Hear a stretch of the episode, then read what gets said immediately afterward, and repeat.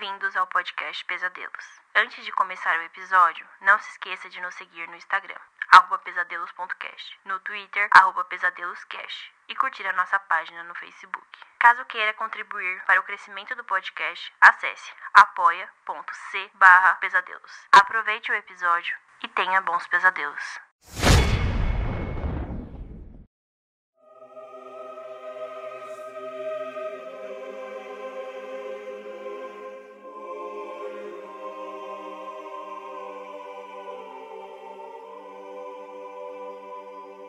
Muito bom, meninas, muito bom. Continuem treinando. Muito bem, meninas.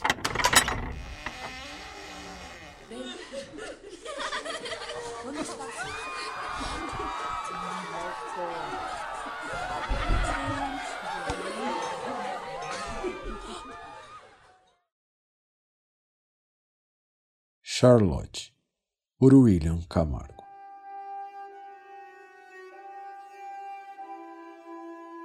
Inglaterra, 1905.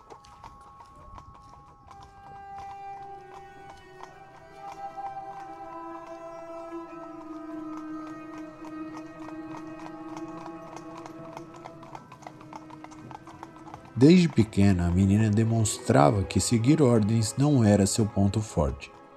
Charlotte era filha de um banqueiro e uma dona de casa, a única menina entre os quatro filhos e ainda por cima a caçula. Seu irmão mais velho, Philip, decidiu seguir os passos do pai, tendo se graduado cedo e casado aos 22 anos. Os gêmeos haviam mostrado aptidão nos esportes e logo foram mandados para a escola militar para seguirem carreira. Já Charlotte não gostava dos ofícios femininos da época. Não havia se dado bem com a costura, tão pouco com as panelas de sua avó. Os pais, sem ter muita opção, decidiram colocá-la no convento, para quem sabe tornar-se uma freira professora ou talvez enfermeira, já que aquele convento também cuidava de doentes mentais. Mas Charlotte gostava menos ainda dos caminhos da fé. Quase sempre ficava de castigo no convento por desobedecer às freiras e fazer perguntas demais sobre a mitologia cristã. Mas a garota odiava mesmo as aulas de canto, pois de tempos em tempos o bispo de Londres visitava o convento e o coro de noviças fazia uma apresentação.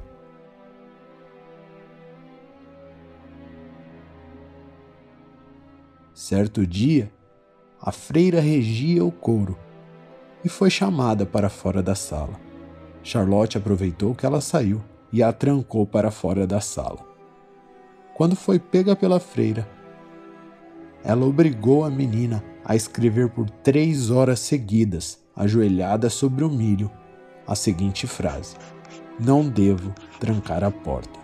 E ainda teve de ficar uma semana fazendo apenas uma refeição por dia, com apenas pão e água.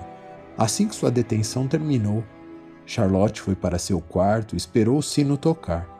Quando as freiras se colocaram para dormir, a menina saiu, com seu fardo de roupas na mão, pronta para fugir.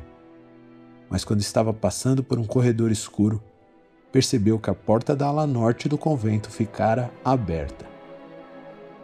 A garota sabia que não deveria ir até lá, já que a ala norte do convento era uma área de reabilitação para os doentes mentais. A menina caminhou pelos corredores repletos de celas de pacientes, até chegar na antessala onde as freiras guardavam o local. Lá ficavam as chaves das celas. Charlotte pegou uma das chaves e retornou para seu quarto.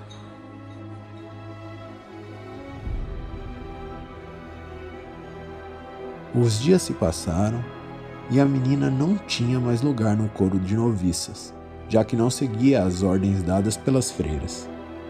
Então a garota foi colocada para esfregar o chão do convento e limpar cada estátua empoeirada daquela grande construção. O dia da apresentação ao bispo de Londres havia chegado. Quando a apresentação começou, Charlotte aproveitou que as freiras estavam assistindo o coro, correu para seu quarto, fez sua trouxa de roupas, passou pela cozinha, apanhou algumas facas e por fim se dirigiu à ala norte. Cela por cela, Charlotte destrancou e ainda deixou as facas visíveis aos pacientes. Antes de sair pela porta da frente do convento, a garota escreveu bem grande com giz no hall de entrada do convento: Não devo trancar a porta.